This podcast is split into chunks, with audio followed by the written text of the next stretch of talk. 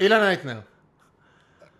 אילן אייטנר. אה, אה, אנחנו בפודקאסט הראשון, אה, שיעורים שלא למדתי בבית ספר, פודקאסט שכל פעם ככה אנחנו פוגשים איזשהו בן אדם אחר שייצר איזה שהן הצלחות בחיים שלו בכל מיני תחומים שונים, וזה גילוי נאות קטן.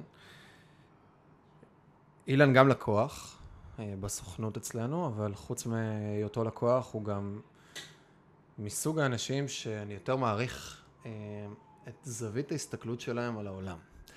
אה, הוא מסוג האנשים שאם עכשיו, לצורך העניין, אני צריך לקבל איזושהי החלטה עסקית, או איזושהי החלטה אישית, או לא משנה מה, ויש לי עכשיו חמישה אנשים שאני מאוד מעריך ואוהב, שמומחים בתחום הזה, ולאילן אין שום מושג בתחום הזה, אני רוצה לשמוע את הדעה שלו. כי חזק. מסוג האנשים שיש להם פשוט זווית הסתכלות אחרת על העולם. איזה שריר יצירתיות כזה, שמאפשר פשוט לקבל פתרונות קצת שונים מאיך שרוב האנשים מקבלים. וזכות גדולה שאתה כאן, יפה, וזכות גדולה גם שאתה חבר. יפה. וזכות גדולה שאתה אילן, אייטנר. הייתי צריך להגיע לשידור כדי לקבל כזאת מחמאה ממך. כן, לרוב אתה לא מקבל. אתה- לא מקבל לרוב- בכלל. לרוב אני מבקר אותך על היותך. יצירתי ולא כן. עקבי, לא קונסיסטנטי. אז את הספר הראשון שלך כתבת ב-1998, משהו כזה, נכון? ספר ש... הוא יצא ב-98. כן. כמה היית אז? 28. בן כמה אתה היום? 49. תשמע, אתה נראה טוב. כן. אתה נראה טוב. 49, אז בגיל זה לא. 28 הוא יצא. וכמה, אם רגע ניקח איזשהו מקרו רגע על מי זה בכלל אילן הייטנר? חצי מיליון עותקים, נכון? מספריך השונים, אה, מהחמישה סופרים הכי מוכרים בארץ. לא יודע אם חמישה, אבל מהמובילים. מהמובילים. אה, אני יכול להגיד שאת הספרים שלך, אני בלעתי אותם אחד אחרי השני, נסעתי, נסעתי לסיני ופשוט קראתי אותם שלושה רצוף, אחד אחרי השני, לא הצלחתי להפסיק.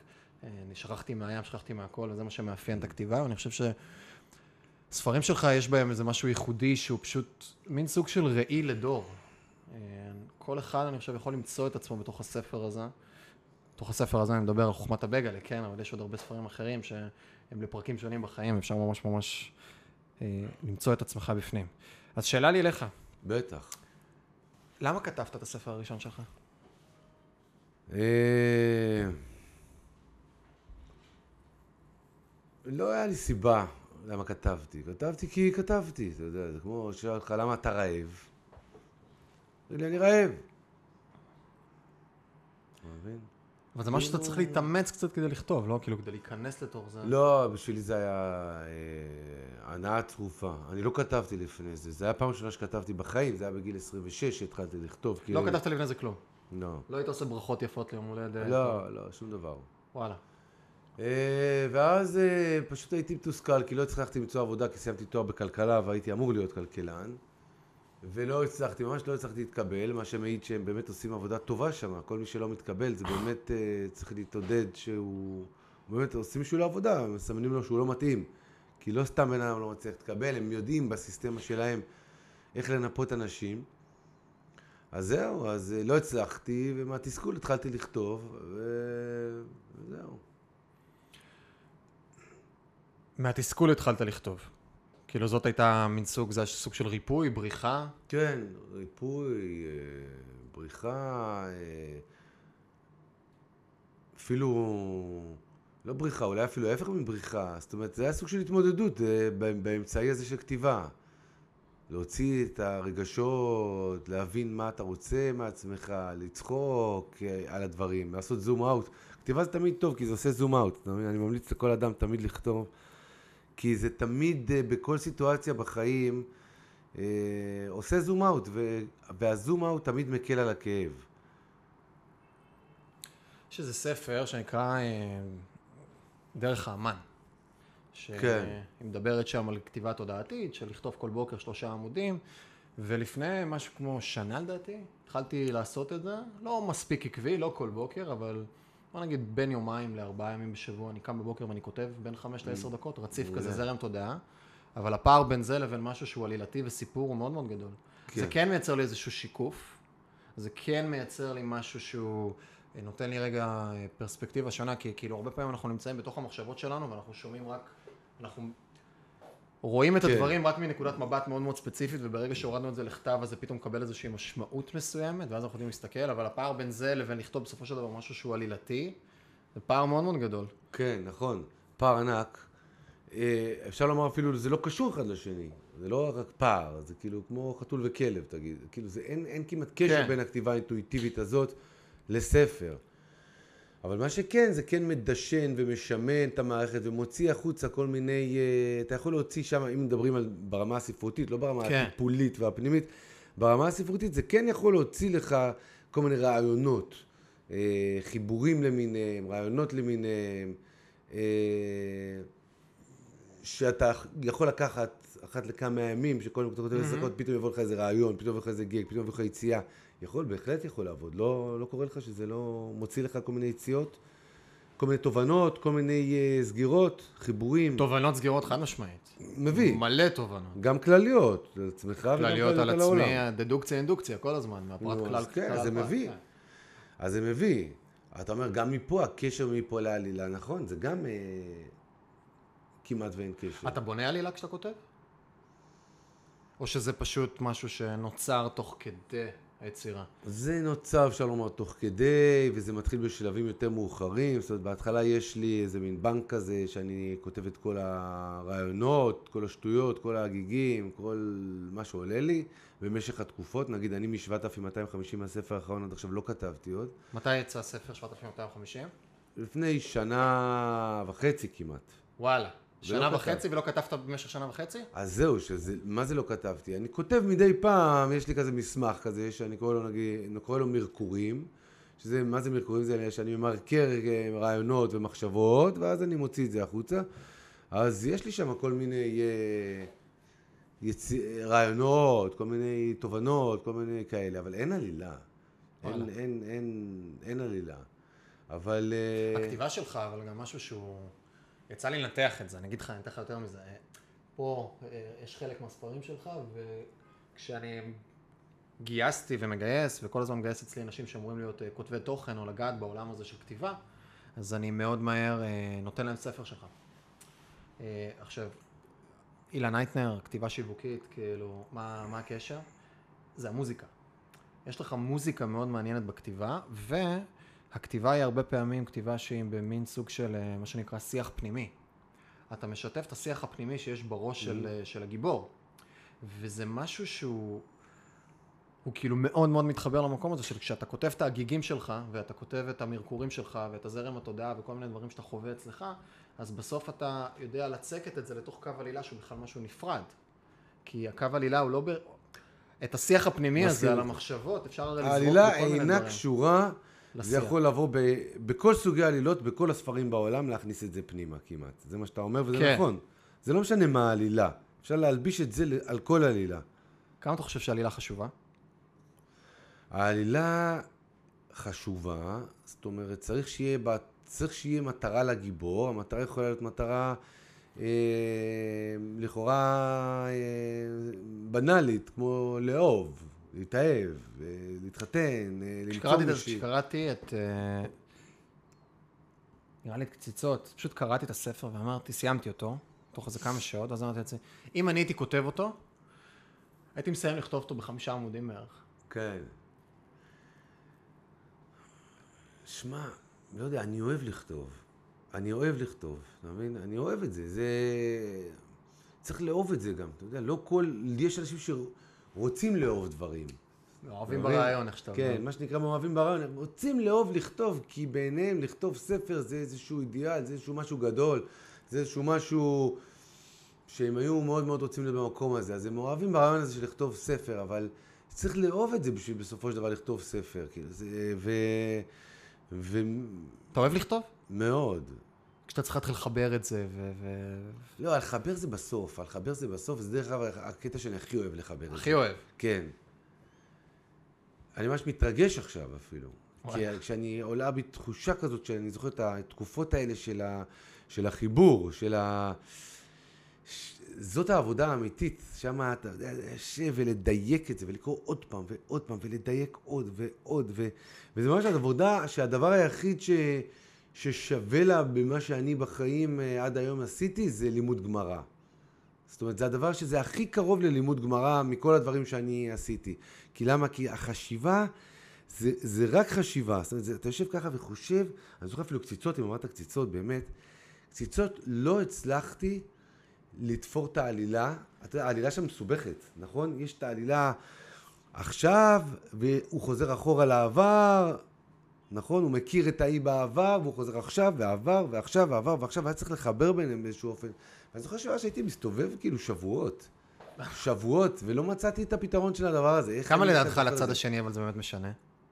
זה מסוג הדברים הרבה פעמים שהשיח הפנימי אצלנו בראש הוא הרבה יותר משמעותי, כי אנחנו כאילו מכירים את כל האופציות, את כל האלטרנטיבות, והרבה נכון, פעמים זה פשוט נכון. תוקע אותנו מלסיים את זה. אבל תשמע, בסופו של דבר אתה עושה את זה בשבילך, אתה כותב בשבילך. מה זה אומר? שאתה אומר במשפט שאמרת עכשיו? אם, אני את- רוצ... אם אתה לא שלם ממה שאתה מוציא החוצה, זה לא משנה שיקנו את זה מיליארד אנשים. אתה תרגיש דרק. איפה הקו בין זה לבין, לבין פרפקציוניזם מוגזם שגורם לך לתקיעות וחוסר יצירה? יש הרבה אנשים עם ספרים במגירה שנים על גבי כן. שנים. כן.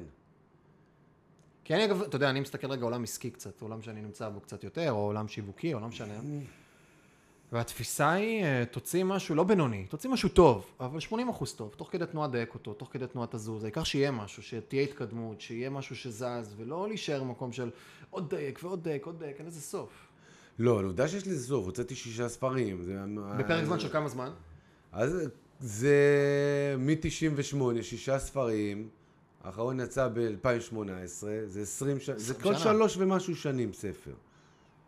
אבל היה גם שני סרטים בדרך, כן, שזה גם סוג של אה, פרויקט. יצירה לגמרי. כן, אז אה, היה גם ספר ילדים, אה, כאילו יש, אז זה פחות מזה, אז אתה רואה, זה לא פרפקציוניזם, יש באמת הפרפקציוניזם הזה, אבל זה לא פרפקציוניזם, מה שאתה קורא לו זה קפדנות, יש אנשים שהם קפדנים. קפדנות. קפדנים, הם קוראים לזה פרפקציוניזם כדי לשפה יפה, אבל הם בעצם קפדנים, ויש להם הרבה עניינים עם עצמם, והרבה כאלה, בשביל זה גם בפרסומים של הסדנאות שלי, אז אני אומר למי לא מתאים, ואני מקווה לסנן את אלה החוצה. למי שחסר לו רק עוד אה, רעיון אחד לסיים את העלילה שלו, למי שהיה במלא סדנאות כתיבה כבר, למי שזה, למי שזה, אני אומר, אל תבוא אליי. הסדנה שלך מתאימה לך? כי שמתי לב, לא, שמתי לב קודם כל, רגע, שהאנשים האלה זה אנשים שהם אף פעם לא מרוצים, אתה מבין? הם אף פעם לא מרוצים. אוקיי. מה שאתה לא עושה, הם יבואו אליך לא מרוצים. לא נתת להם משוב, הם לא הבינו מה אתה אומר, הם לא יודעים מה לעשות, הם לא זה, הם לא זה. וזה משהו שהם אה, מרוויחים עם הזמן, כי יש רווח גם בלא להגשים חלום, אתה יודע. רווח גדול. יש רווח בכל דבר שעושים או לא עושים, לגמרי. בלא להגשים כי חלום יש לא רווח נכשל. עצום. אתה לא נכשל? זה פעמיים, אתה גם לא נכשל, וגם נשאר לך לכאורה בשביל מה לחיות. כן. כי יש לך עוד חלום, בוא, לא הגשמת, יש לך חלום, יש לך חלום. אז הרבה פעמים אתה מפחד להגשים חלום, כאילו או שתיכשל, או שזה לא יוצא מספיק טוב, כאילו כמו שאתה רוצה, או שזה ייגמר לך פשוט, ואז בשביל מה תחיה? חלמת כל החיים על משהו, פתאום יש לך איזה, אז מה, אין לך, אין לך מטרה. אז יש אינטרס, בוא נגיד את זה ככה, יש תשואה מאוד גבוהה, יומיומית, בלא להגשים חלום. שהמטרה קיימת, אבל אני לא... המטרה קיימת ואין הגשמה שלה. אתה מקבל על זה תשואה יומיומית. מה החלום שלך היום?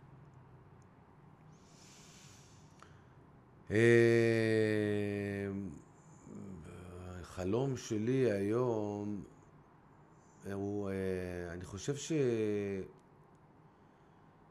זה יישמע פתטי, אבל לי יש חלום ש... ש... שעם ישראל יהיה מאוחד. זה חלום גדול שלי. וזה חלום שהוא חלום אידיאל הוליסטי כזה? לא. או שזה חלום שאתה אומר, אוקיי, אני הולך לקרות. לעשות פעולות. אז אני מתחיל. אני רוצה באמת, אני, אני, מה זה רוצה? אני עכשיו מתחיל לעשות פעולות אה, בדרך שלי, אבל... אה, תמיד זה- בדרך שלך. זה חלום שלי, אבל זה חלום בגלל שזה, תשמע, אנשים חושבים וטועים לחשוב שהם יכולים להיות מבסוטים אה, כשאחרים מבואסים. מגיע שלב שבו אתה מבין, איזשהו סוג של התפתחות די מינימלית לדעתי, אבל שאתה מבין שאתה לא יכול להיות מבסוט באמת אם הסביבה שלך כועסת, ממורמרת, לא מרוצה. אתה מה לא אתה-. מה אתה מגדיר סביבה? אנשים ברחוב, אנשים ברחוב? כן. זה לא חיים נורא אה, מאתגרים ואומללים לקחת אחריות על דברים שאין לך בהכרח. לא, אתה לא לוקח אחריות, אבל אתה רוצה, אתה רוצה לגרום, אתה צריך קודם כל להבין שאנחנו, מה שנקרא, ערבים זה לזה, אנחנו תלויים זה בזה. אתה תלוי בזה בזה. שמע, אם אתה גר, לא משנה באיזה שכונה, והשכן שלך מימין, אתה לא מדבר איתו, והשכן שלך משמאל, עם הראש באדמה, ואתה יוצא לחוב, ואתה פה עושה קצת רעש, ושם הוא עושה... ואין תקשורת עם שכנים, עם אנשים מסביב, כולם ממורמרים, כועסים, חותכים אחד את השני, מכות ברחוב, זה, זה, זה, זה. לא כיף לך. לא משנה כמה כסף יהיה לך, לא משנה שאתה אוהב את אשתך, את הילדים, לא יהיה לך בגדול כיף. חייבים ליצור סביבה, שהסביבה תהיה יותר... אה, שנבין שאנחנו יותר תלויים זה בזה. וזה, די- וזה די חלום, כן, זה די חלום אפשר לומר. שאנשים יהיו יותר מבסוטים, יותר מבסוטים סביבך. שאנשים יגידו שלום זה לזה. לי זה מאוד כואב שאני בבניין שלי, בשכונה שלי, ו... אנשים לא אומרים שלום. אחד הולך מול השני ברחוב ולא אומר לו שלום. לא אומר לו בוקר טוב. בבניין, שכן אפילו. לא אומר בוקר טוב אחד לשני. לי זה כואב. כואב. תאר לעצמי שגם לשני זה כואב, הוא פשוט לא יודע את זה. הוא מנותק, הוא כאילו חושב שהוא עכשיו בדרך לעשות משהו חשוב יותר. אבל זה בגלל שהוא לא מבין שאם הוא יגיד להוא בוקר טוב, בוקר טוב, מה שלומך, שלום, טה טה טה טה, המצב רוח שלו יהיה פי אלף גבוה, מאשר אם עכשיו לביתו הוא יכניס עוד איזה עסקה, או אני לא יודע מה יעשה. אז זה כאילו פלצף, אבל זה לא פלצף, זה אמת לאמיתה. זה ממש אמת לאמיתה, זה מדע, מדע אפילו, זה מדעי, אני לא יודע איך תקרא לזה, בשפה שלך. תשמע, אם לא הייתי מכיר אותך, זה כן היה נשמע לי פלצף, אבל אני כן, קצת כן. מכיר, אז אני מכיר כן, את אתה מבין שזה באמת. את הנשמה ואת הלב ואת הזה, זה... זה לא קשור, זה פשוט הבנה, זה פשוט הבנה, זה לא קשור לנשמה, זה הבנה מסוימת, אתה מבין? זה הבנה מסוימת ש... שאינה קשורה לגובה נשמה או לגובה, לשכל, לא קשור לכלום, זה רק קשור להבנה. שאתה באמת מבין בשכל שאתה תלוי בסביבה שלך. אתה תלוי, אבל בעשרה אנשים, ב-12 אנשים, ב-20 אנשים. אם אתה מסתכל על זה ביולוגית, אה, איך שנבננו אה, לאורך השנים, אז אה, שזה גם שאלה רגע של אה, מאיזה מקום מסתכלים על זה, 5,000 שנה או קצת יותר, אבל אתה נבנית לחיות בשבט של 150 אנשים, גרוסו מוטו, שאתה יודע להכיר ואתה יודע לי... שזאת הסביבה הקרובה שלך, וזה בגדול מה שאתה יודע לנהל גם רגע ברמת מערכות היחסים ובעלות משמעות כזאת או אחרת. ועכשיו לקחת אחריות על מישהו ברחוב, תשמע, קודם כל, מה אתה נולדת לשבת וזה וזה, מה, נולדת להיות עם אייפון, שאתה עכשיו רואה שידור ישיר מוונצואלה? לא, אבל יש משמעות. מה הקשר בין מה נולדת למה היום, או איך, זה כאילו, העולם היה לאיך הוא היום. דבר שני, אם עכשיו פה תבוא לבניין, ותיכנס לבניין, ופתאום אחד יגיד לך, אה, מיכאל, בוקר טוב, מה שלומך? ואתה תגיד, בוקר טוב, בוקר טוב, מה נשמע? אהלן, שלום, לא, לא, מה אבל העניינים, בוא מה נפריד, העניינים? בוא נפריד שיחה בין להיות, אה, לך- בין להיות באנרגיה טובה עם אנשים ולהיות אה, בן אדם חייכן שמוקיר תודה, רואה את האנשים השקופים גם, והוא בן אדם לא. שזה, לבין לקחת אחריות על זה שכשאנשים לא. זה יקשה בו. לא, לא, לא לקחת אחריות, אבל זה ברור מאליו שכשאתה נמצא בסביבה כללית שהיא יותר אה, באנרגיה טובה, תקרא לזה, יותר רואה אחד את השני וכולי, אז לך הרבה יותר טוב. כן, אין פה שאלה בכלל, מה, זה, חד משמעית. זה מדעי, זה לא... זה חלום, אתה אומר. בטח זה חלום, בטח זה חלום. זה יורד לך למטרה פרקטית גם? כאילו, אתה באמת לוקח את זה למשהו... כן, בטח, בטח, יש לי פרויקטים עכשיו שאני מתחיל להריץ בתחום, אבל אני לא יכול לספר. אתה לא יכול לספר. לא, זה אסור שידעו שזה אני. אה, אתה אומר מתן בסתר. לא, זה ביצוע בסתר. ביצוע בסתר. למה בסתר, אגב? כי... כי אין לי עניין שידעו שאני עומד מאחורי דברים אה, שכאלה. איך אתה עם עניין. חשיפה בכללי? אין לי עניין. חשיפה אני לא להיט. לא אוהב. למה? כי זה לא... אה, גם אגב, כאילו, אם נדבר רגע פתוח, גם הרעיון הזה, הפודקאסט זה משהו שככה הסתייגת ממנו טיפה, כי כן, נכון. פחות אתה אוהב את החשיפה, פחות אוהב להיות בפרונט, וזה דווקא מעניין, כי מצד אחד, אני מסתכל על היכולת שלך להשפיע, שהיא עצומה, וככל שהחשיפה כאילו יותר גדולה, אז היכולת שלך להשפיע עולה. ויש פה איזושהי קורלציה כזו, ומצד שני גם, משהו שם לא לגמרי עובר לך, ומעניין אותי למה. כאילו, למה נגיד לא לעשות, לא, לא, לא לחשוף, לא להיות בפרונט, לא ללכת לאח הגדול, להישרדות. לא, זה לא מתיישב לי. לא מתיישב לי. אני אוהב שלא מכירים אותי ולא מזהים אותי ולא יודעים מי אני, ואם אני צריך כאילו לשלוף את זה באיזשהו מקום, אז בסדר, אני אשלוף את זה. אם נגיד אה, יש לי עכשיו אה, תביעה נגד אה, תחנת דלק מסוימת, אני יודע מה, שלא סגרו לי את המים של הרדיאטור. והתפוצץ לי המנוע.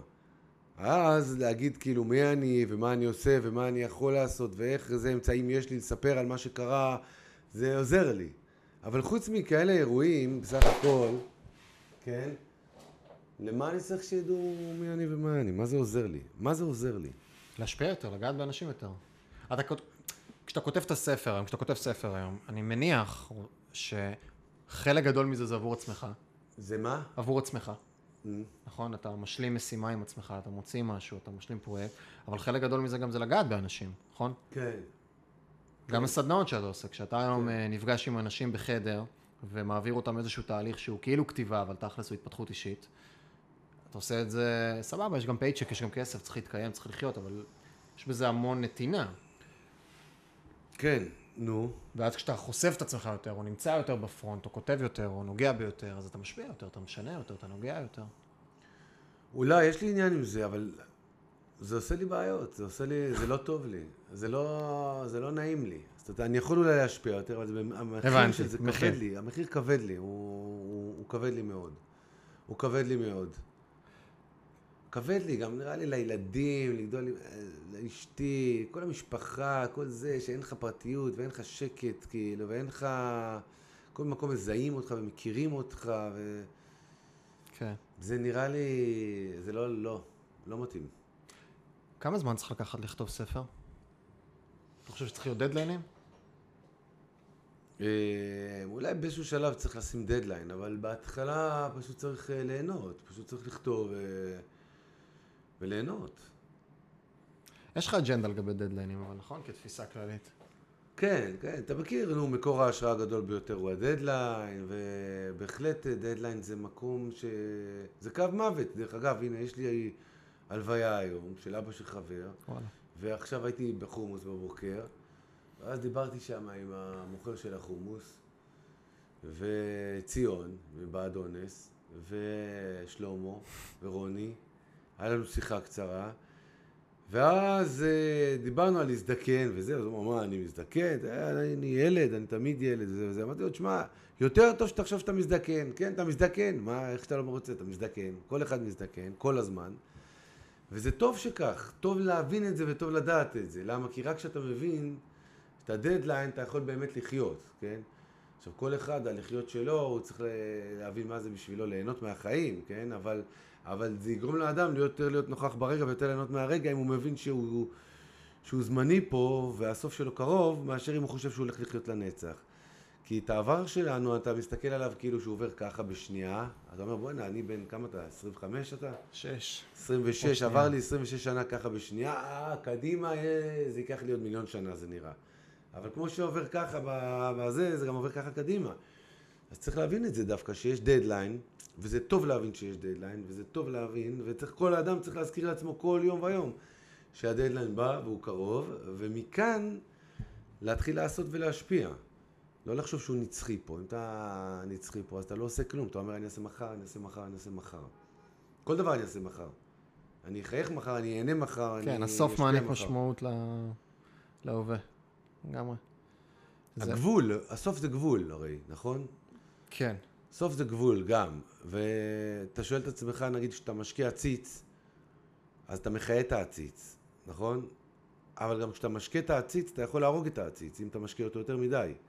זאת אומרת, זה שאתה שם סוף להשקיה שלו, אתה בעצם מחיה אותו, נכון? זאת אומרת, הגבולות הם בסך הכל, הם, הם, הם מחיים, הם מקיימים. גשם, דבר טוב, אם ירד לך גשם בלי סוף, אז זה אסון פה. אז כאילו, כל דבר הוא צריך שיהיה. לו גבול. וצריך לדעת את הגבול. איך אתה מזכיר לעצמך שאתה הולך למות? אתה עושה עם זה משהו פרקטי? הולך להלוויות. הלוויות זה טוב. הלוויות זה אה, טוב. לא, אומרים, טוב ללכת לבית האבל מלבית השמח, איך זה נקרא לזה? בית ה... כן. אם יש לך אה, וואלה. התלבטות, אם אתה הולך לחתונה עכשיו. להלוויה, ששתיהם זה מצוות, ללכת גם לשמח זה מצווה וגם זה מצווה, אז תלך לבית האבל. כי שם לפחות, שם אתה יוצא עם אקסטרה גם של אה, המוות קרוב. אז אה, בסך הכל אני תמיד, אה, אני הרבה הולך לבתי אבות, כאילו, אני אוהב זקנים, אני אוהב לדבר עם זקנים, אני... היה בית אבות ליד בית של חבר שלי פעם, בקרמיה. אז כל פעם כשהייתי בא אליו הייתי הולך לבית אבות, אתה מבין? כל פעם נכנס לבית אבות. פשוט נכנס, מסתכל, רואה את כל הפיליפינים והאלה מאכילים את הזקן וזה וזה, ויוצא משם מעודד. אתה מבין? כאילו, תתקדם, תעשה, אתה עוד שנייה שמה. כל אדם צריך להגיד לעצמו עוד שנייה שמה, ומה חשוב לו בחיים. לא לתפוס את עצמו מה חשוב לי בחיים בגיל אה, 80, שכבר אתה לא יכול אה, לעשות הרבה. אתה גם יכול לעשות דרך אגב, אבל uh, לעשות עכשיו את הדברים החשובים, לא להתעורר בסוף. אני היה לי, אני, אני לא יודע מה יש בי, אבל בערך מגיל 19 התחלתי להתעמק במוות. משהו שנורא ישב לי. אה, והתחלתי לקרוא מלא מלא מלא ספרים שקשורים לתחום הזה, בין אם זה פילוסופיה קצת, ובין אם זה פסיכולוגיה. אה, יש סופר אחד שנתקע בי חזק, אה, ארווין יהלום, כן. שהוא פסיכיאטר, אז אחד מהספרים שלו זה להביט בשמש. אז הוא נותן שם איזה ציטוט שאדם אינו יכול להישיר מבט על שני דברים, לא אל השמש ולא אל המוות. וכל הספר הוא מספר על כל מיני סיפורים של חרדות ואתגרים של אנשים עם מוות, שממש לא, לא מצליחים לחיות, אלא המוות כל כך כל כך מעסיק אותם ברמה היומיומית, והוא כל הזמן מוצא שם פתרונות.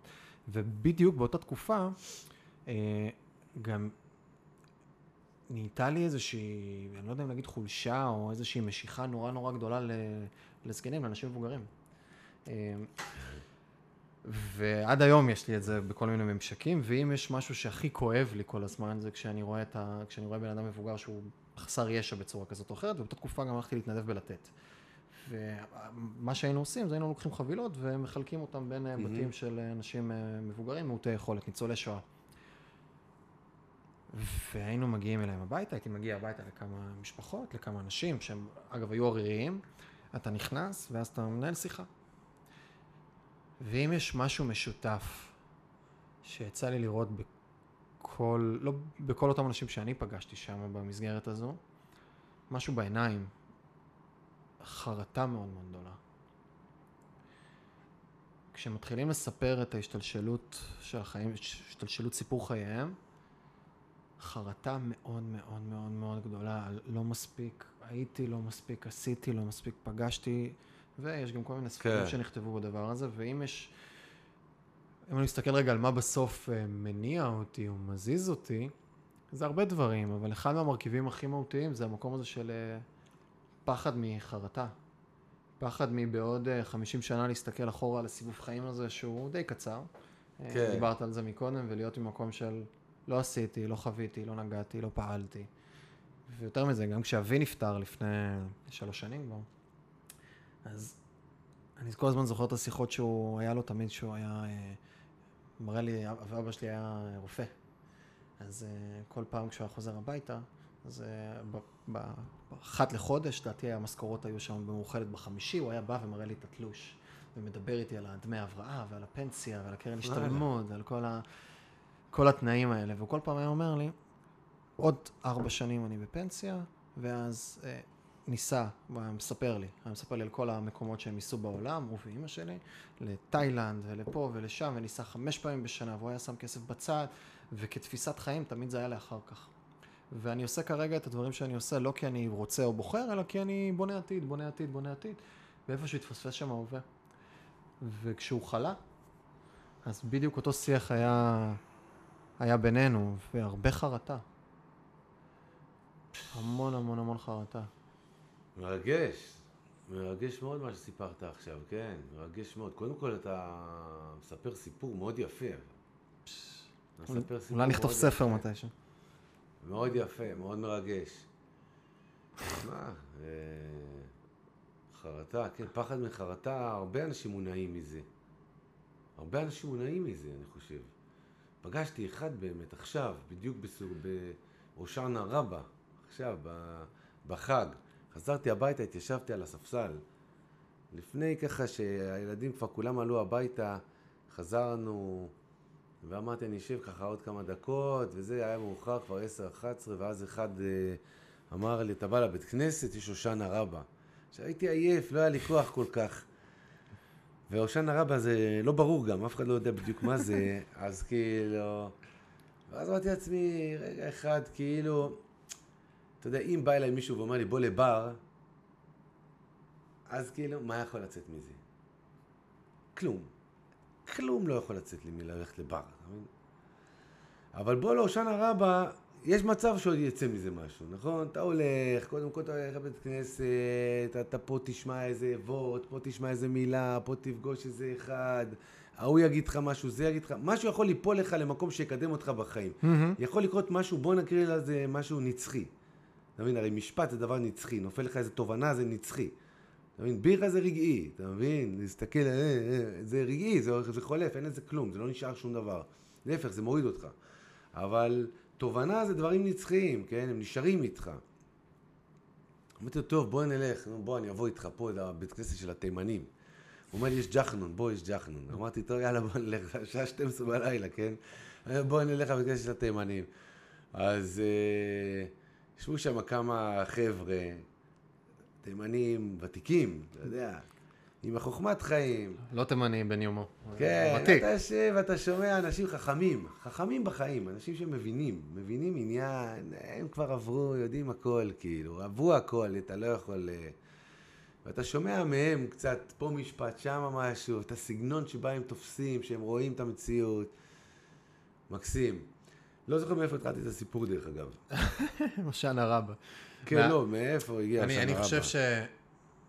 הרבה פעמים כשאני נמצא לפני אה, איזושהי... מאביך. סליחה. אם אתה רוצה כן, שנסגור את אני זה. רוצה לא, אז. תמשיך. לא, לא. תסגור, תמשיך. אז הבחור, אז פגשתי שם איזה בחור אחד שיש לו יום הולדת 50. אז הוא בא אליי, הוא אומר לי, נו, מה אתה עושה ביום הולדת 50 שלך? כאילו זה עוד שנה, אנחנו נולדנו באותו חודש. וואלה. מה אתה עושה ביום הולדת 50 שלך?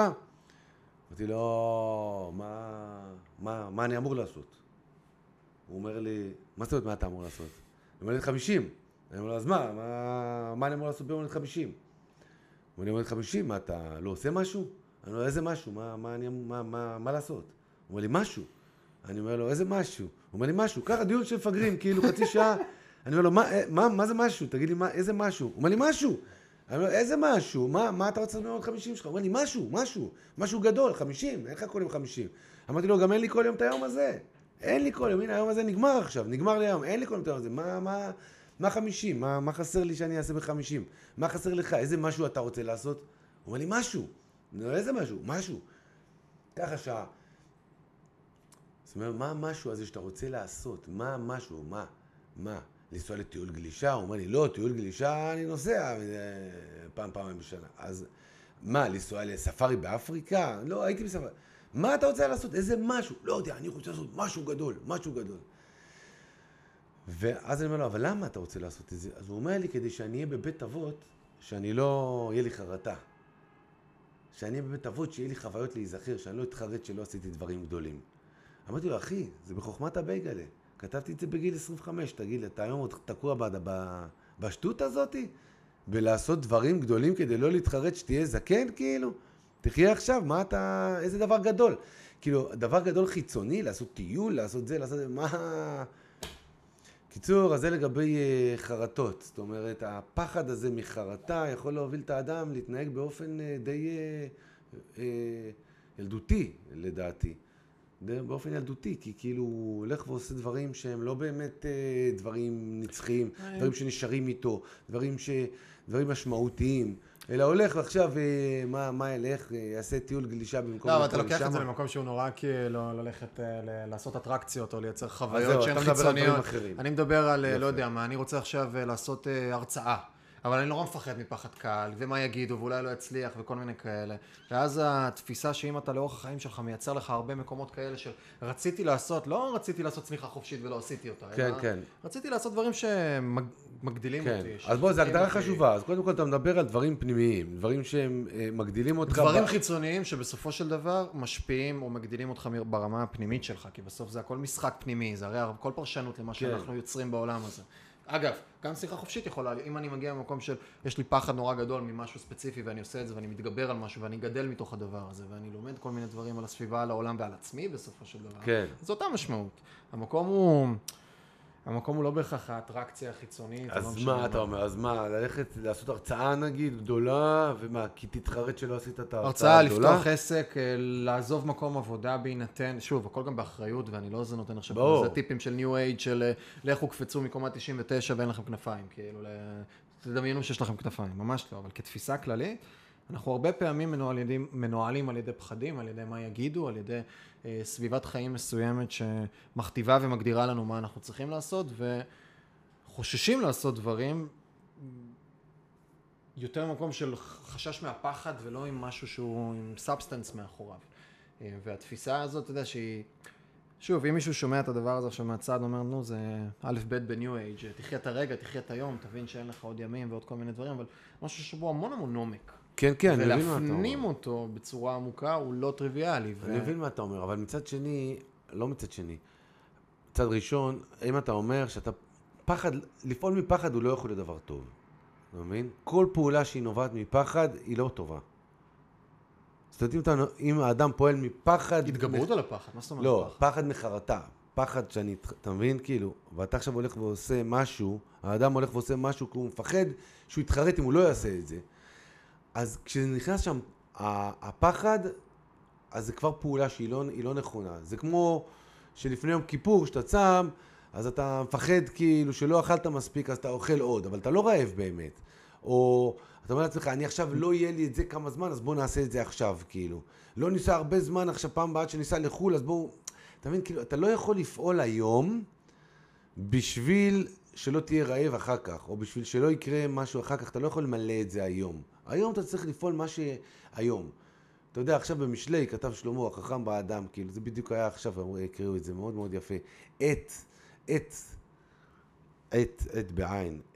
אין לי פה עכשיו את כל ה... במשלי, אבל זה מקסים, תראה איזה, זה עת לזרוע ועת לקצור, עת... אה, כל דבר יש לו עת, אתה מבין? אי אפשר להקדים את העת, את העיתים, מפחד שמא הם לא יקרו. צריך גם איפשהו... כי, כי, כי התמונה השנייה, וזו שאלה מעניינת, התמונה השנייה של לחיות מתוך אה, פחד לפספס, פחד להתחרט, פחד אה, שלא תהיה מספיק בעשייה ואחרי זה תגיד וואלה, יכול להביא את האדם לטירוף, כאילו לחיים שהם ההפך מלחיות הרגע. זאת שאלה. אם אתה מסתכל על אה, קיינמן, פרופסור קיינמן, שהוא חתן פרס נובל ואיש מעניין בתחום הפסיכולוגיה, הכלכלה ההתנהגותית וכאלה, אז אחד מהדברים שהוא אה, מנתח עושר והוא מחלק אותו לשני סגמנטים.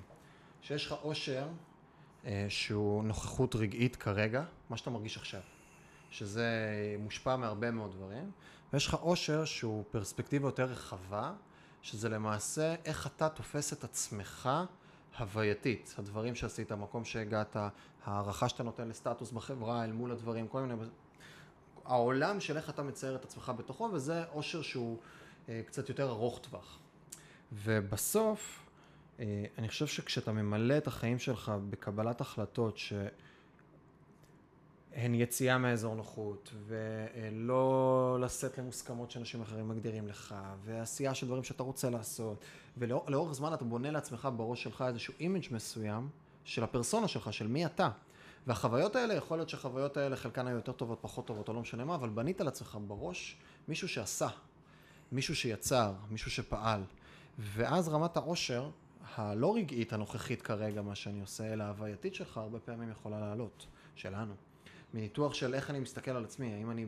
כן, אבל אתה יכול לא להסתכל אתה יכול נגיד, אה, נגיד אה, לכתוב ספר, אבל לא להיות מרוצה מהספר, מהתוצאה, או מכמה הוא מכר וכולי וכולי. אז זה לא...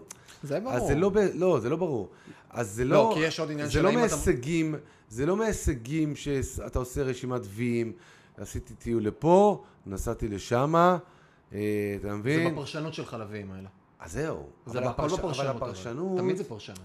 כי אין משמעות אמיתית לאם הספר שלך מכר 5,000 או 100,000. כן. זה משמעות שלך למול עצמך בסוף. נכון. כי יבוא סטיבן קינג ויגיד, מה זה 100,000? אצלי אם הוא נכון. לא מוכר 50 מיליון זה לא מעניין, כאילו, כן. או 5 מיליון, לא יודע כמה. כן.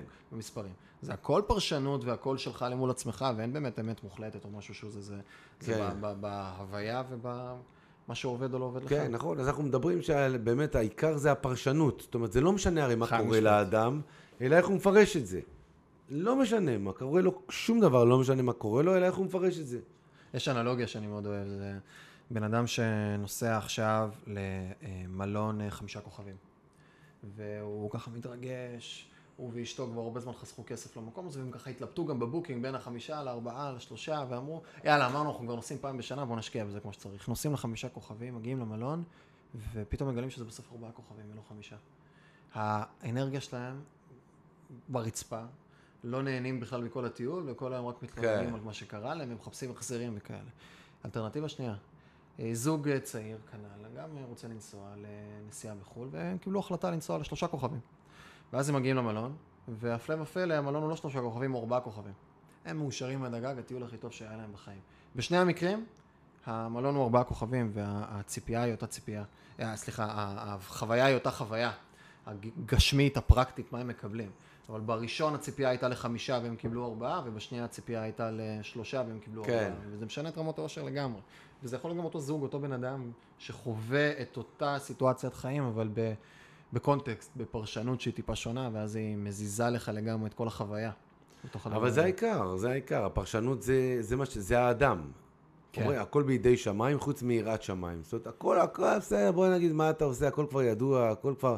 יש לך בחירה חופשית, כן? אבל הבחירה בעיקרה היא, היא בסופו של דבר, איך אתה מגיב לכל מה שקורה איתך, כן?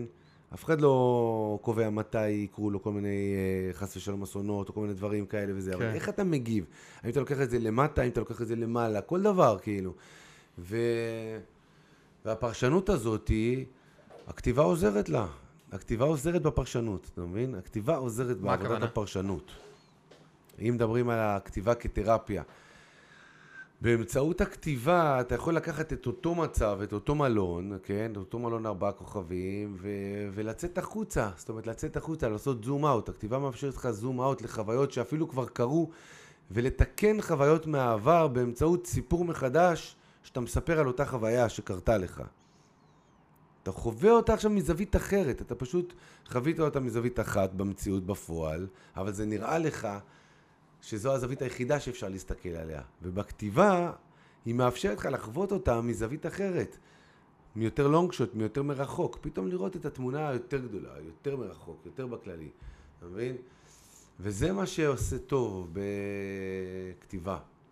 זה התרפיה האמיתית, שאתה באמת יכול להסתכל על אותה חוויה ממספר זוויות, אפילו ממספר, מהזווית השנייה של הבן אדם השני, אתה מבין? כאילו, מצדדים אחרים, מרחוק, מכל מקום. אתה יכול להסתכל, זה... זה זה איך אני עושה. איזה תרגיל כזה, אם אני רוצה להוריד את זה לרמה פרקטית? לא פה עכשיו... אה, אה, לא פה עכשיו להתחיל פה לתת תרגילי כתיבה פרקטיים, שיבואו לסדנה. אבל, אה, אבל באמת אה, להתחיל לכתוב בכלל. עצם הכתיבה בכלל עצמה, עצם ההתחלה של כתיבה, היא כבר, למה היא עושה טוב לאנשים? אנשים אומרים, בוא'נה, התחלתי לכתוב, מה זה טוב לי? טוב לי, זה עושה טוב, לאנשים זה באמת עושה טוב. למה זה באמת עושה טוב? כי זה מוציא ממך, זה מוציא ממך דברים שהרבה פעמים אתה אפילו לא ידעת שקיימים בך. פורק החוצה, זה נפלא. כן, כתיבה זה משהו ש... שוב, שאלה גם...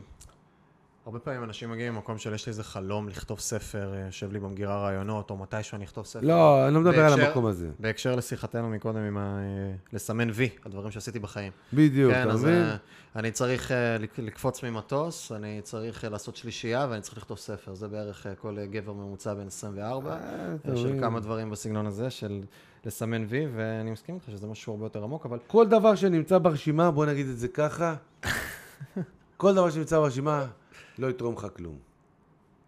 לא מסכים איתך. די, נה, אתה גדל ממלא דברים. מה, אם תכתוב ספר, גם אם עכשיו הוא סתם נמצא לך ברשימה, הוא לא יגדיל אותך? הוא לא ייצור לך משהו? הוא לא יעשה לך משהו? מה, זה נורא בינארי? אני, יש לי אה, תשוקה עזה לכתוב כן או לא, ואני חייב להוציא ספר, זה משהו שבוער בי? אני לא יכול להיות בן אדם עכשיו שזה לא, שזה עוד פיצ'ר בחיים שלו, וכשהוא יעשה את זה הוא יגדל ויתפתח וילמד ויבין את עצמו? לא, לא. לא. לא. לא. דוגמטי נורא, חד משמעי. לא, לא. אתה יודע, זה כן מקדם כמובן, כל דבר שהאדם עושה מקדם אותו, ברור שעדיף לכתוב ספר מלא לכתוב ספר, ברור שעדיף לעשות מלא לעשות, כאילו... אתה אומר עלות תועלת אבל? עשייה מובילה לעשייה, עשייה מובילה, כל עשייה, כל פעם תהיה בעשייה, תהיה בעשייה, זה יוביל לעוד עשייה, לעוד עשייה, לעוד עשייה. אבל המקום הזה שאתה בא ואתה אומר קשה, כי יש פה, יש פה את התנאי קשה, אתה מבין? וכשנמצא הדבר קשה, קשה לא מביא אותך להיות, אה, אם בגדול, כן? קשה לא מביא אותך להיות שמח יותר. מה זה אומר קשה? קשה, כשאני אתחתן, לי ילדים, כשיהיה לי בית גדול יותר, כשיהיה לי כסף, כשיהיה לי אוטו, כשניסע לחו"ל, קשה, קשה, קשה, קשה. איך היית מחליף את הקשה? קשה לא עובד. הוא לא עובד פשוט, זה מה, זה חדש לך? לא. לא. ברור שזה לא חדש לי, שזה שוב, זה כל המקום הזה של פרשנות, הרי מטרה, מהותה, היא לא להשיג את המטרה. השגת את המטרה, אוקיי, זה what's next, זה כאילו מה המטרה הבאה, זה כן. כתפי... עצם זה שיש לך מטרה, וזה, יש עכשיו בחור אה, מעניין שיוצא לי הרבה להקשיב לו, ג'ורדן פיטרסון, אה, אה, פסיכולוג מהרווארד שעושה המון המון הרצאות, ואחד מהדברים שהוא מדבר, הוא מדבר שוב, הוא לא מדבר שום דבר, לא, לא משהו חדש תחת השמש, הוא מדבר קצת בודהיזם, קצת מזרח, קצת פסיכולוגיה מערבית, אבל הוא מדבר הרבה על זה שהחיים הם סבל בסוף. חיים הם סבל. יש איזה סבל קיומי, יש איזה פחד מה, מהקצה, מהלא נודע, וכשאנחנו מייצרים לעצמנו איזה שהן מטרות מסוימות, אז אנחנו מעניקים משמעות לסבל. וזה גם אה, ויקטור פרנקל, האדם מחפש משמעות, ש... או ניטשה, כשיש לך למה אז תוכל לשאת קולך, או כל מיני דברים בסגנון הזה שמדברים בצורה נורא ברורה על, על מה המשמעות של לייצר איזושהי מטרת קצה, מטרת על, שעצם זה שיש לך את המטרה, לא השגתה, עצם זה שיש לך את המטרה, היא מעניקה משמעות ליום יום שלך, לחיים, בתוך כל הסבל הזה. ו... ואז המשפט הזה, כשה, הוא, הוא, לא, הוא הופך להיות, מי שקצת בוחן את עצמו ומבין, מבין שאין משמעות לקשה. אבל אני צריך את הקשה הזה, כן. כ- כאיזה כוכב צפון כזה שעוזר לי בדרך לשאת את היום יום, את הדברים. צריך להעביר את הזמן. להעביר את... להעניק משמעות לזמן, לא להעביר את הזמן. להעביר את הזמן אתה יכול בהרבה דרכים. כן. אבל הוא מייצר לך משמעות. אבל אז, כשזה קורה הדבר, ופתאום אתה לא מתרומם ממנו, אבל אתה לא אמור אז אתה להתרומם מתרסק. לא נכון. אתה מבין? אתה, כשאתה מציב לעצמך מטרות, אתה בתפיסה של כאילו, מגדיר, מציב, קורות, לא משנה. אני מניח שאצלך אתה לא יושב ועושה רשימות של מטרות, זה פשוט מתהווה אצלך. אבל לא משנה, כשאני, כשאני, אני מלכתחילה, לא, יש לי... נו. אני מלכתחילה לא מצפה שכשאני אשיג את המטרה להיות באיזה היי מטורף. אבל וזה... אתה, אומנם בן 26, אבל אתה, יש לך כבר ראיית עולם אה, עוצמתית, ושל אדם בעל ניסיון וחוכמה. רובנו, רובנו, גם אני בפנים, וגם אתה בפנים, כולנו בפנים באיזושהי רמה, אבל רובנו חושבים שכש... כשיהיה לי את זה, כשיהיה לי את זה, כשיהיה לי את זה, ואז כשזה מגיע הזה הזה, אוקיי? אתה יכול לראות את זה, בוא נגיד ככה, איך אשתי אומרת לי הרבה פעמים, כאילו, אם אני הייתי יודעת, כשאני הייתי רווקה בת 32, שאני אהיה גני. תוך, אה, עשר שנים, פחות, אני אהיה נשואה עם ארבעה ילדים, עם בעל, כל הסיפור, הייתי, הייתי בטח, לא יהיה לי רגע, שנייה אחת של כעס, או עצבות, או באסה, או בחיים. אתה מבין? כל אדם שתפנה אליו ותגיד לו את זה, רווקה שמתה להתחתן, רווק שמת, זה אנשים שהם על הקצה של הקצה של ייאוש, אתה מבין? אתה יודע מה, עזוב אותך, אדם חולה. אדם חולה שאובחן אצלו משהו רציני. רציני מאוד, לא רק רציני, מאוד. ופתאום, והוא כולו רק רוצה לחיות ו... ו, ו, ו ופתאום זה מסתדר. ויש לו כמה ימים אולי, או אני לא יודע, זו תקופה קצרה שבה הוא עדיין מכיר תודה ומעריך, ואחרי זה הוא מת- מתעצבן ומקלל ושונא וכועס, והוא לא יכול להאמין לזה. וזה קשור גם לקשה הזה, אתה מבין? קשה, קשה, קשה, קשה. אני, יש קשה, אבל הקשה צריך להיות שוב קשור לעבודה פנימית גם מהותית ומשמעותית. זאת אומרת, קשה, זה גם, זה לא קשה, כאילו, האדם צריך לעבוד על המידות שלו, אתה מבין? עכשיו, אם אתה אומר, האם העבודה שלו על מטרות חיצוניות יכולות לתקן לו את המידות, זה שאלה כבר, אתה מבין? זו המהות, בין היתר. אבל זה העניין, תקן את המידות, תקן את הכעס, את הקנאה. אה, תציב מטרות. שיעזרו לך להפוך לאדם שאתה רוצה להיות, כתפיסה. לא, שתציב את המטרות עצמם לתקן את המידה כן. עצמה. לא. אבל זה משהו שקשה. כשאני אומר לך, אילן, תכעס פחות. אה, נכון, לא, אבל אתה צריך... תכעס פחות. תחשוב שאם אתה... או עכשיו- תתמיד יותר, תהיה בן אוקיי. אדם, תהפוך לבן אדם שמתמיד. לך יש מטרה, אוקיי, לך יש מטרה עכשיו, אה, אני יודע מה, תן מטרה של בן אדם, לא יודע מה, מטרה רצינית, אה, הוא יש לו מטרה לחסוך כסף, לעשות משהו נגיד, אני לא יודע מה, לחסוך סכום מסוים של כסף, והוא כל הזמן סביב זה וסביב זה וזה, בשביל לעשות איזה טיול, לעשות משהו וזה, והוא כולו בתוך העניין, הוא כולו בתוך העניין הזה, כן? ותחשוב שאם כולך בתוך העניין של אה, אה, לה- לכעוס פחות, אוקיי? ותשקיע את כל האנרגיה שאתה משקיע 24 שעות בלהרוויח כסף עכשיו, תשקיע את כל זה במטרה של לכעוס פחות. אתה תצליח לכעוס פחות. אתה תלמד את הנושא, אתה תלך לאנשים, אתה תמצא דרכים, אתה תלך בהתחלה לשיטה הזאת ולדרך הזאת ולדרך הזאת, ואתה תחקור ותחפור ותהיה מודע לעצמך ותיקח סדנת כתיבה בשביל שתהיה מודע יותר ותעשה כתיבה אינטואיטיבית ותלך לטיפול כזה ותלך לטיפול כזה ותבדוק את זה ותעשה את זה ולאט לאט אתה תראה שאתה לא ירד לך הכעס מ-10 ל-0 אבל ירד לך הכעס מ-10 ל-7 וזה משמעותי, זה 30 אחוז פחות, זה לחיות חיים ב-30 אחוז פחות כלכלן, כעס. בכל זאת. אתה מבין? אז כאילו, יש עניין שגם צריך לעבוד על, ה, על, ה, על המידות עצמן. זאת אומרת, לא, שהם לא יהיו תוצר לוואי של השגת מטרות, שבדרך עכשיו של, של לכתוב ספר או לבנות בניין או לעשות זה, אני אעבוד על המידות שלי. שזאת תהיה המטרה עצמה, וכל הבנייה של הבניין ולהרוויח כסף וזה וזה, יהיה בתוך המטרה הזאת. בוא עכשיו, אני עכשיו אעשה תמ"א 38, בוא עכשיו אני אכתוב ספר, בוא עכשיו אני אעשה זה. כשהמטרה שלי המרכזית היא בכלל להיות אדם פחות כעסן, פחות, אה, יותר אה, שמח, אה, יותר לא יודע מה, אתה מבין? זאת אומרת, איפשהו בסדר עדיפויות. אני חושב שמה שאתה אומר הוא מאוד נכון. הוא רק דורש רמת מודעות מאוד גבוהה. בסדר, עובדים על זה, לא? עובדים על זה, חד משמעית. עובדים על זה. אני יודע להגיד לך שאני כרגע נמצא בכל מיני פרויקטים ודברים שאני עושה, בין אם זה כמה דברים עסקיים ובין אם זה כמה דברים אישיים. כשמה שאני מסתכל עליו לאורך כל הדרך זה לא ליצור את ה... אה, המיליונים או ליצור את העסקים או ליצור את הדברים, מה שאני מסתכל עליו זה ליצור את אה, מיכאל גרסה 2.0, מיכאל גרסה 3.0 ולייצר לי את הסט יכולות, סט כלים וסט מידות שיעזרו לי בסופו של דבר אה, בסוף להרגיש טוב יותר, להיות יותר נוכח. אני כל הזמן, התפיסה שלי זה בסוף שה... אני, אני מאוד מנסה לשלב את מה שאתה אומר, מצד אחד יכולה להיות כי מה, כי מה המטרה שלך? אבל להרגיש טוב יותר? תמיד, זה הרי בסוף אם אתה תשאל מספיק, להרגיש טוב יותר, להיות מאושר יותר, להיות בהוויה יותר נינוחה, ובגלל זה אני תמיד מנסה לאזן בין חומר לרוח בכל מיני, מק- כי אני מבין בסוף שאין אין משמעות לכלום, עזוב אותך, נו, זה, אוקיי, אז יש לי מיליון, יש לי עשרה מיליון, יש לי מאה מיליון.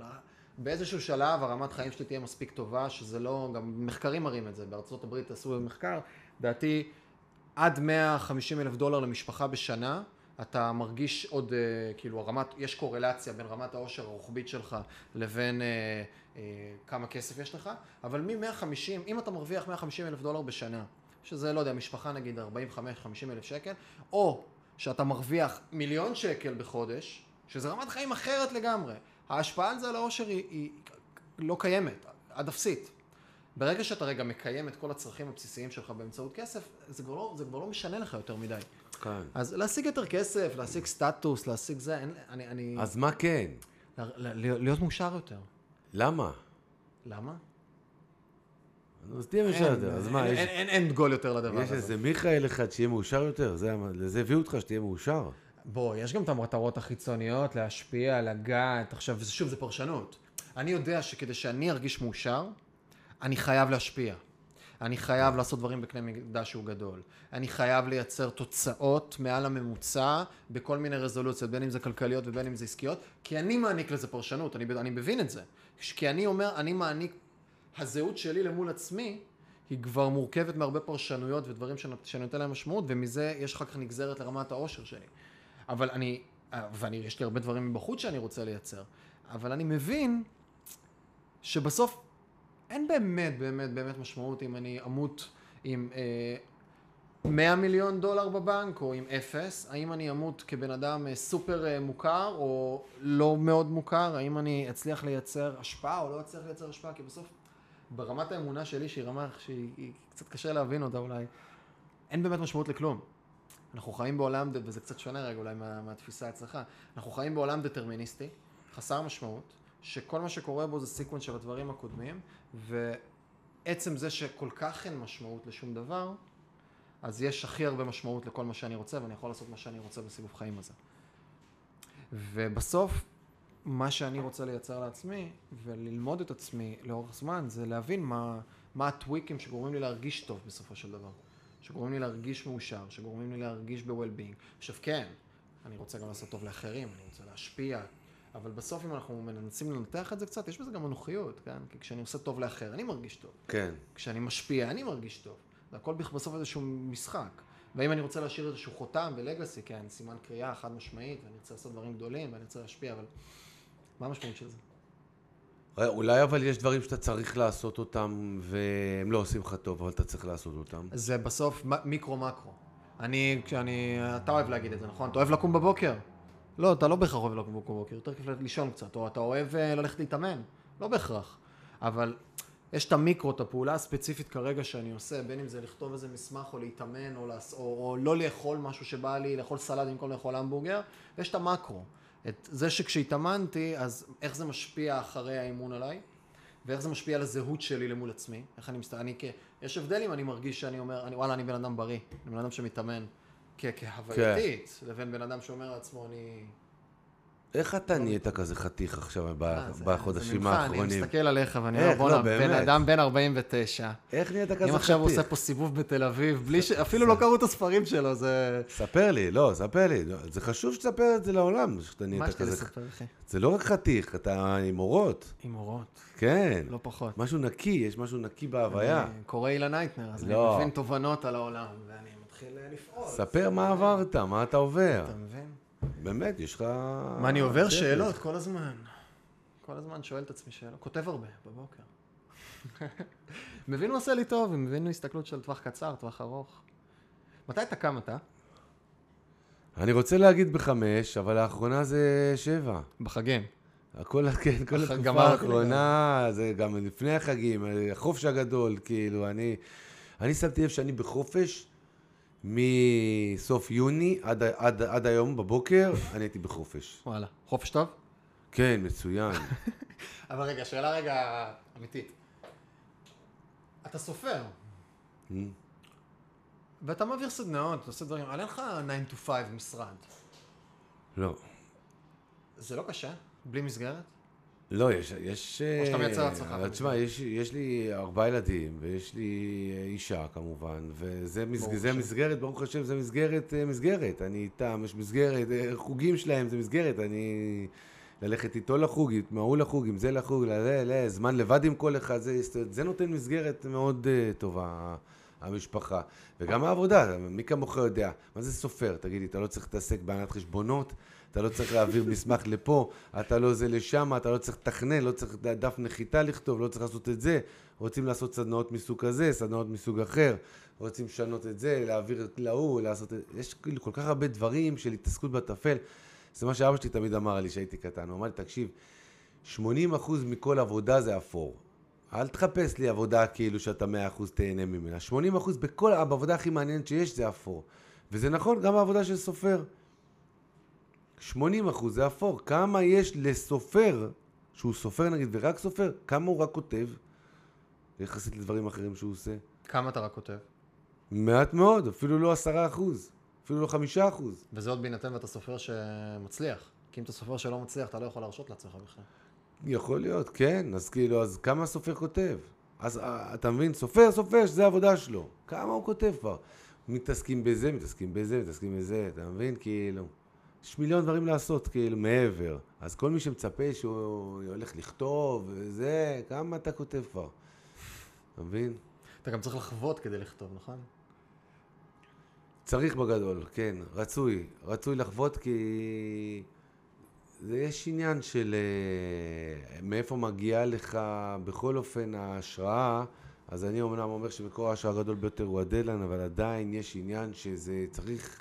אתה צריך לחיות בעולם ולעשות דברים, בעיקר לא בקטע שאתה מסתובב ומקבל השראה, אלא בעיקר אתה צריך לעשות דברים בשביל לקבל השראה. זאת אומרת, לעשות דברים, בעיקר דברים שמפחידים אותך, או מבאסים אותך, או, או גורמים לך להרגיש רמוס, רמוס זה מילה או, טובה. או כל מיני כאלה דברים אתה צריך לעשות כדי להתמודד עם עצמך בקצה, ואז יש מה לכתוב. היית מביא את עצמך לקצה? אני עכשיו בדיוק, אני מתחיל עכשיו לעשות קורסים של נדל"ן וכל מיני כאלה. אתה מבין? בשביל אתה להיכנס... נכנס אה, לזה? להיכנס לקצה... אתה נכנס לזה? בטח. איזה גבר אתה. אני צריך עכשיו לעשות משהו חדש בשביל לחיות, להתרגש, לעשות... אה, לעשות דברים. מבין? אתה נכנס עכשיו לכל מיני קורסים של נדל"ן כדי לכתוב, לא כדי לעשות נדל"ן. אבל אני חייב יהיה גם לעשות כדי לכתוב. זה קטע מעניין מה שאתה אומר. כן. כאילו, אתה נכנס, המטרת על היא לכתוב. כן.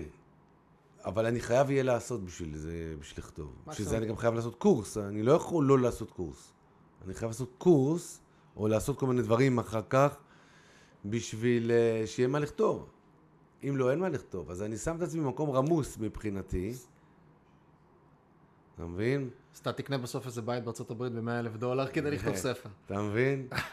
כן, זה יכול, יכול לקרות. אני עכשיו בדיוק בבירורים, אבל מאז שהתחלתי... דבר כאילו- איתי אחרי זה על בתים בארצות הברית. מאז. שהתחלתי אה, את- את כל המחשבה הזאת שהספר כאילו הבא יכול להיות על סופר אה, לצורך העניין כושל, סופר כושל בן 50 שמחליט להיכנס לעולם הנדל"ן, תשמע אחי, כשאתה תכתוב על. סופר בן 50, אף אחד לא ידמיין אותך. אה, אף מה זה לא משנה, יודע. עזוב אותך, אבל זה כריכה אחורית טובה, אתה מבין כאילו. כן. סופר כושל בן 50 שמחליט אה, לעשות הסבה לנדל"ן ו...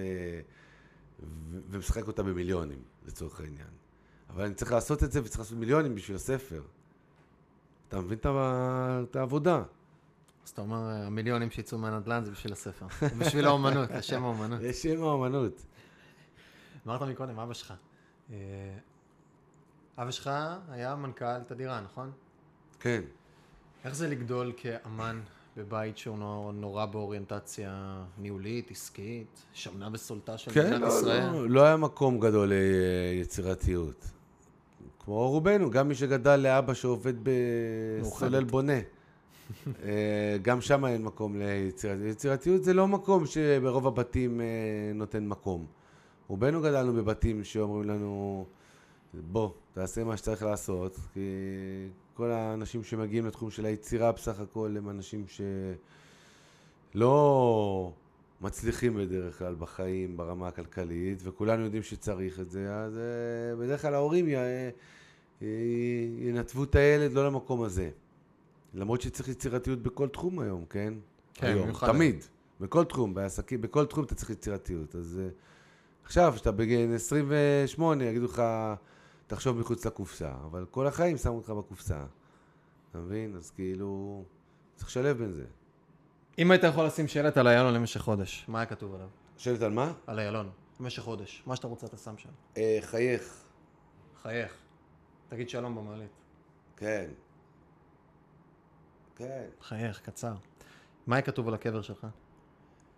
חייך. חייך. אתה אומר זה רץ. חייך. חייך. חייך. לא, מה... לא יהיה פיינון כזה. אה,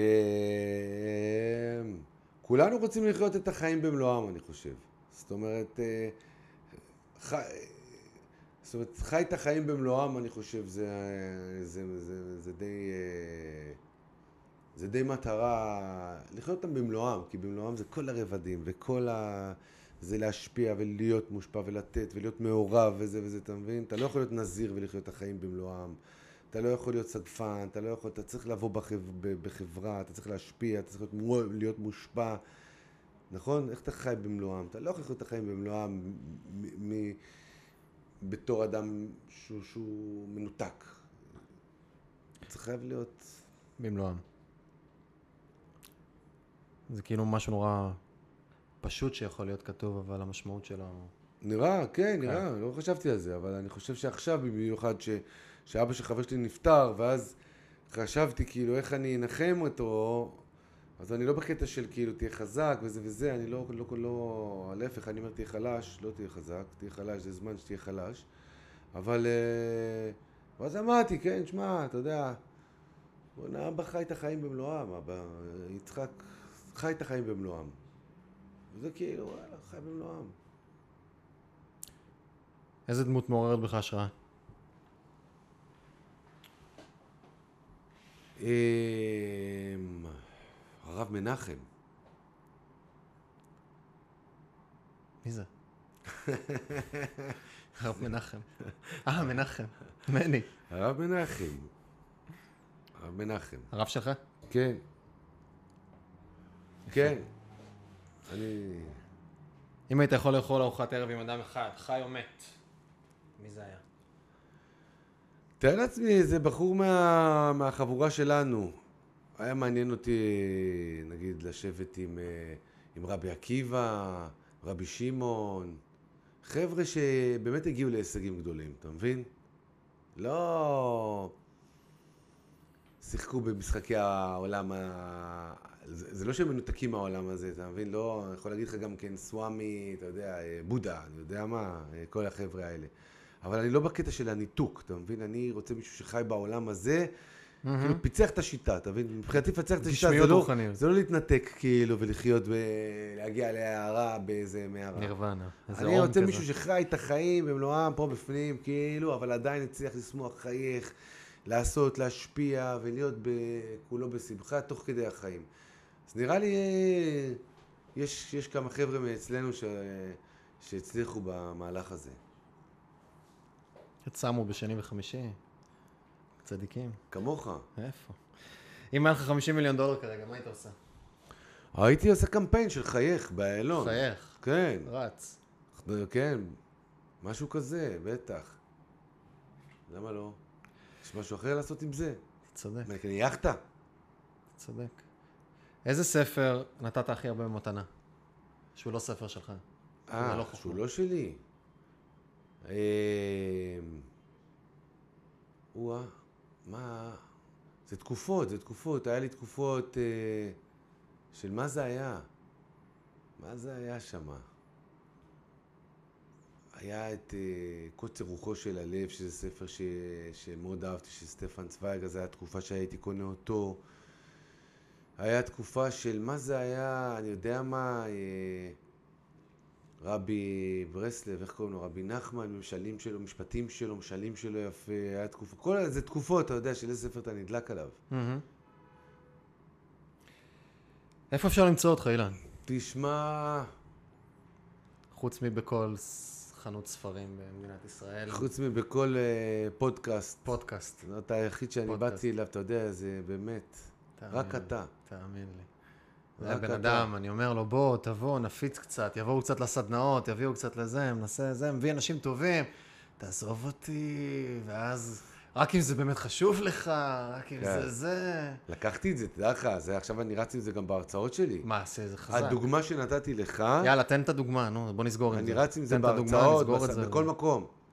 אני שמעתי מחכם אחד שאמר לי, תקשיב, כשאתה עושה טובה למישהו, תדאג שהוא ידע שאתה עושה לך טובה. תדאג שהוא ידע שאתה עושה לו טובה. זה כאילו הפוך לגמרי ממה שאנחנו גדלנו עליו, כי כאילו, וואנה, כאילו, כשאתה עושה טובה למישהו, אה, שלא יודע שעשית לו טובה, כן? אבל מה קורה, אם הוא לא יודע, אם אתה באמת עושה לו טובה גדולה, כמו מבחינתי לבוא לפה ולדבר כל כך הרבה... כל כך הרבה זמן, בלי כוס מים אפילו, כוס מים אין לבן אדם. בלי כוס מים. אין כוס מים אפילו. אז כאילו...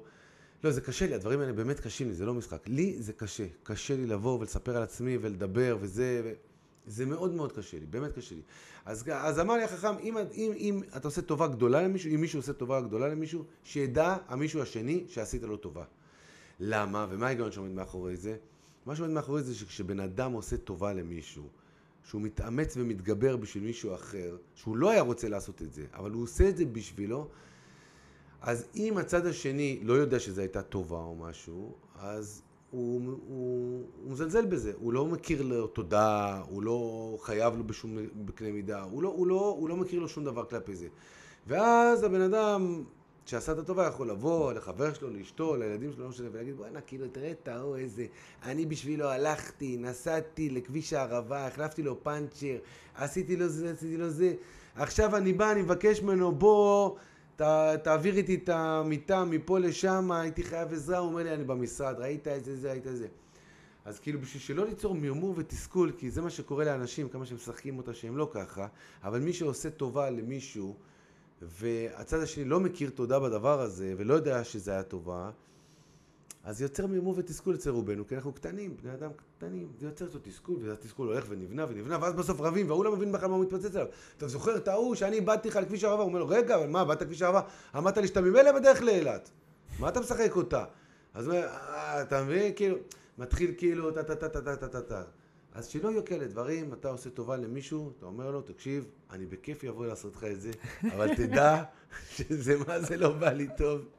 תגיד לי, זה חשוב לך, אני בא. ואתה יודע מה, אם זה חשוב לך, אני גם בא באהבה. אבל תגיד לי, זה חשוב לך, כי אני רוצה שתדע שלי לא בא לעשות את זה. קיצר, שורה תחתונה, אני חייב לאילן הייטנר טובה.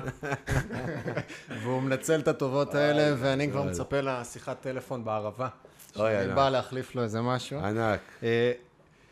אילן הייטנר, אה, יש לו סדנאות נהדרות ונפלאות, שאני בעצמי עשיתי אותן כמשתתף, ומשם גם הכרנו, ואחרי זה גם אה, אילן הפך ללקוח ולחבר, ולדברים שאנחנו עושים ביחד, אה, מבשלים ביחד ברמה העסקית, ולכל מיני נכון. דברים. אנחנו רק בהתחלת הדרך. בתחילת הדרך. תודה לך. כן, אתה כבר בן 50, אחי, איזה התחלה? אצלך זה התחלה? זה לא נשאר הרבה זמן. זה- תשמע, אני אתה יודע, אומרים על אברהם אבינו שהיה בא בימים. בא בימים. עכשיו, בא בימים, אנחנו חושבים שזה זקן, אבל מה זה בא בימים?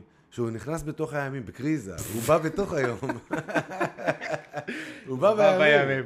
הוא בא בתוך היום, הוא בא לעבוד, בא לעשות. חד משמעית. אז אני אה, הייתי בסדנה של אילן שמונה מפגשים, שישה מפגשים מדהימים של התבוננות פנימה. אז זה כתיבה, ולומדים קצת טכניקות, ועושים תרגילים, ועושים דברים, אבל תכלס, תכלס.